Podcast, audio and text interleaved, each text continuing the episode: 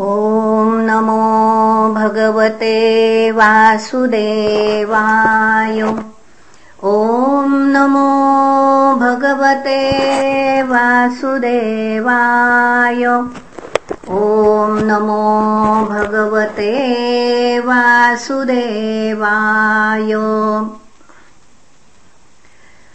श्रीमद्भागवते तृतीयस्कन्धे अथैकोनत्रिंशोऽध्यायः ॐ श्रीपरमात्मने नमः।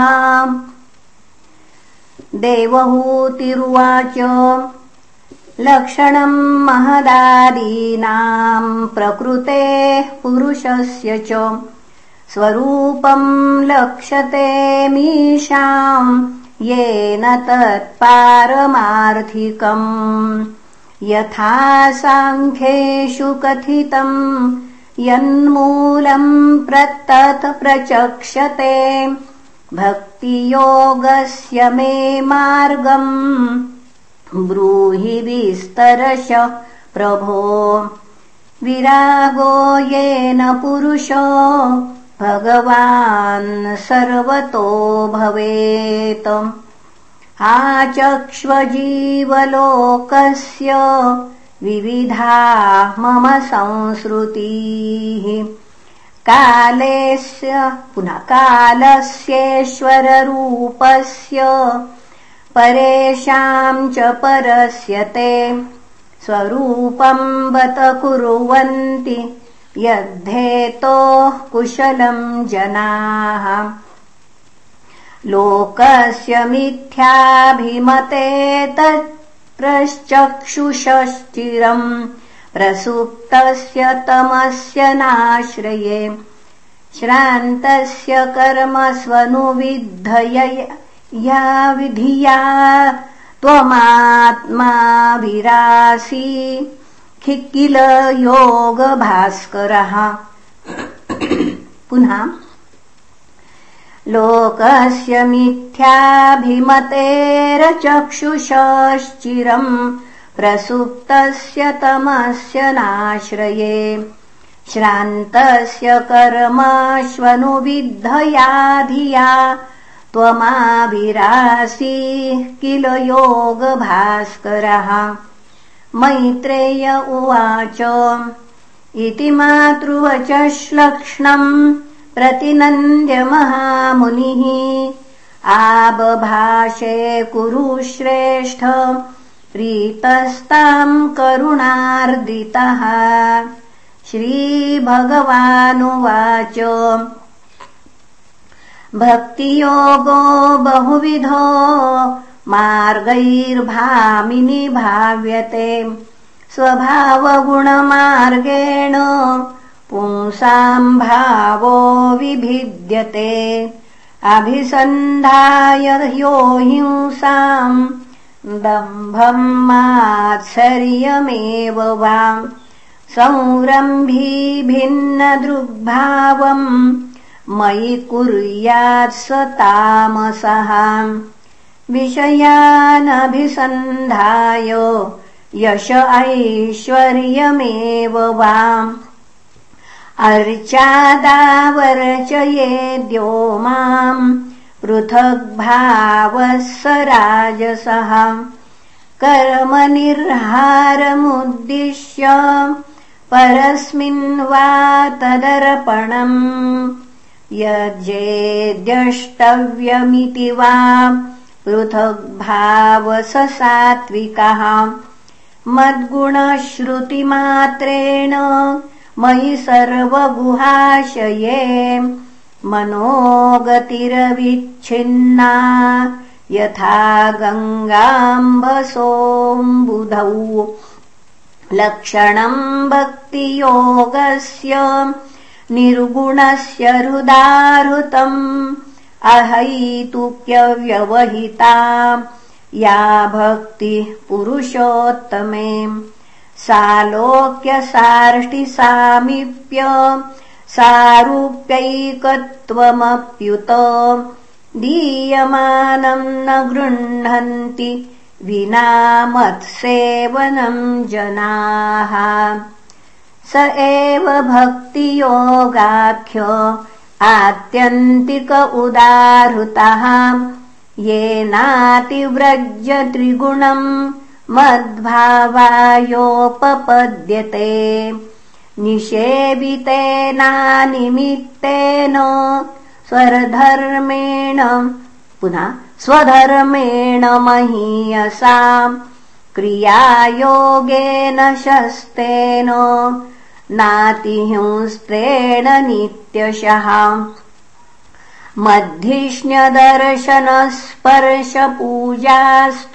मद्धिष्ण्यदर्शनस्पर्शपूजास्तुत्यभिवन्दनैः भूतेषु मद्भावनया सत्त्वेनासङ्गमेन च। महताम् बहुमानेन दीनानामनुकम्पया मैत्र्या चैवात्मतुल्येषु। यमेन नियमेन च आध्यात्मिकानुश्रवणान्नाम सङ्कीर्तनाच्च मे। आर्जवेनार्यसङ्गेन निरहङ्क्रियया तथा। मद्धर्मणो गुणैरेतैः परिसंशुद्ध आशयः। पुरुषस्याञ्जसाम्भेति। पुरपुनः पुरुषस्याञ्जसाभ्येति श्रुतमात्रगुणम् हि माम्।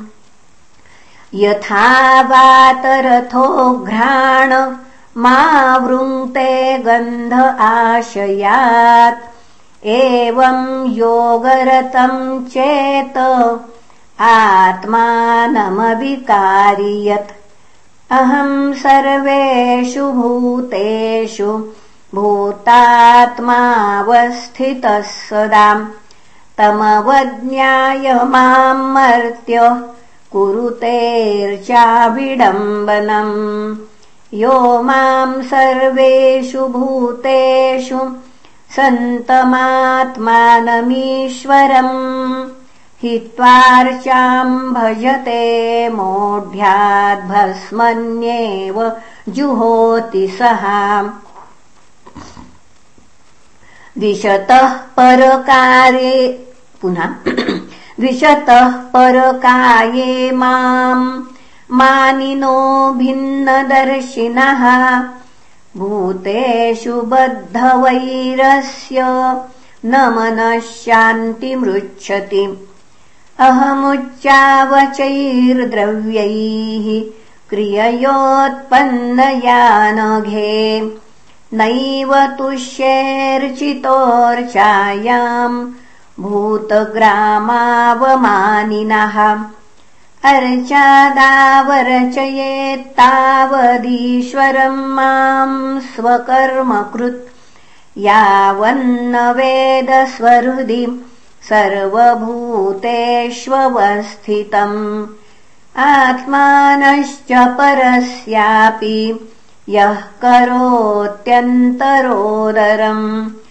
तस्य भिन्नदृशो मृत्युर्विदधे भयमुल्बणम्। अथ माम् सर्वभूतेषु भूतात्मानम् कृतालयम्। अर्हयेद्दानमानाभ्याम् मैत्र्या भिन्नेन चक्षुषा जीवाश्रेष्ठाय जीवानाम् ततः प्राणभृतः शुभे ततः स्वचित्ताः प्रवरास्ततश्चेन्द्रियवृत्तयः। तत्रापि स्पर्शवेदिभ्यो प्रवरारसवेदिनः। तेभ्यो गन्धविदः श्रेष्ठास्ततः शब्दविदो वराः रूपभेदविदस्तत्र ततश्चोभयतोदतः तेषाम् बहुपदा श्रेष्ठाश्चतुष्पादस्ततो द्विपात्। ततो वर्णाश्च चत्वारस्तेषाम् ब्राह्मण उत्तमः ब्राह्मणेष्वपि वेदज्ञो ह्यर्थज्ञोऽभ्यधिकस्ततः। अर्थज्ञात् संशयच्छेत्ता। ततः श्रेयान् स्वकर्मकृत्।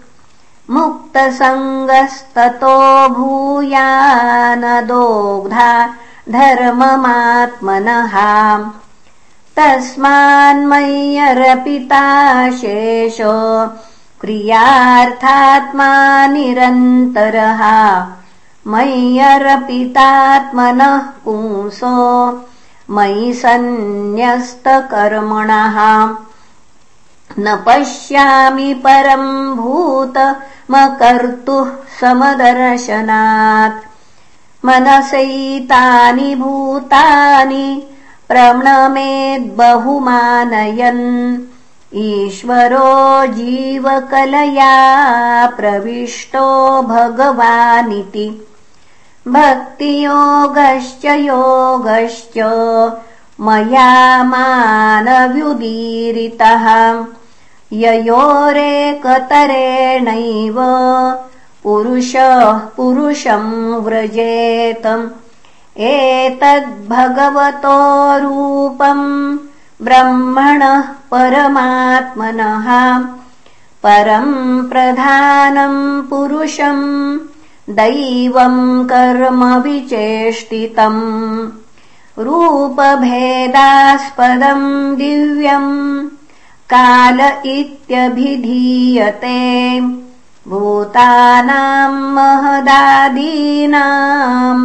यतो भिन्नदृशाम् भयम्। योऽन्तः प्रविश्य भूतानि भूतैरत्यखिलाश्रयः। स विष्ण्वाख्या पुनः स विष्ण्वाख्योऽधियज्ञोऽसौ कालः कलयताम् प्रभुः स चा पुनः न चास्य कश्चिद्दयितो न द्वेष्यो न च बान्धवः आविश्यत्यप्रमत्तोऽसौ प्रमत्तम् जनमन्तकृत् यद्भयाद्वातिवातोऽयम् सूर्यस्तपति यद्भयात् यद्भयाद्वर्षते देवो भगणो भाति यद्भयात्। यद्वनस्पतयो भीताम् लताश्चौषधिभिः सह स्वे स्वे कालेऽभिगृह्णन्ति पुष्पाणि च फलानि च। स्रवन्ति सरितो भीता नोत्सर्पत्युदधिर्यतः अग्निरिन्धे स गिरिभिर्भूर्न मज्जति यद्भयात्। नभो ददाति श्वसताम्। पदम् यन्नियमाददहाम् लोकम् स्वदेहम् तनुते महान् सप्तभिरावृतम्। गुणाभिमानिनो देवाः सर्गादिश्वस्य यद्भयात् वर्तन्तेऽनुयुगम् येषाम्। वश एतच्चराचरम्। सोऽनन्तोऽन्तकरः कालो नादिरादिकृदव्ययः जनम् जनेन जनयन् मृत्युनान्तकम् इति श्रीमद्भागवते महापुराणे पारमहंस्याम् संहितायाम् तृतीयस्कन्धे कापिलेयोपाख्याने एकोनत्रिंशोऽध्यायः श्रीकृष्णार्पणमस्तु। हरये नमः हरये नमः हरये नमः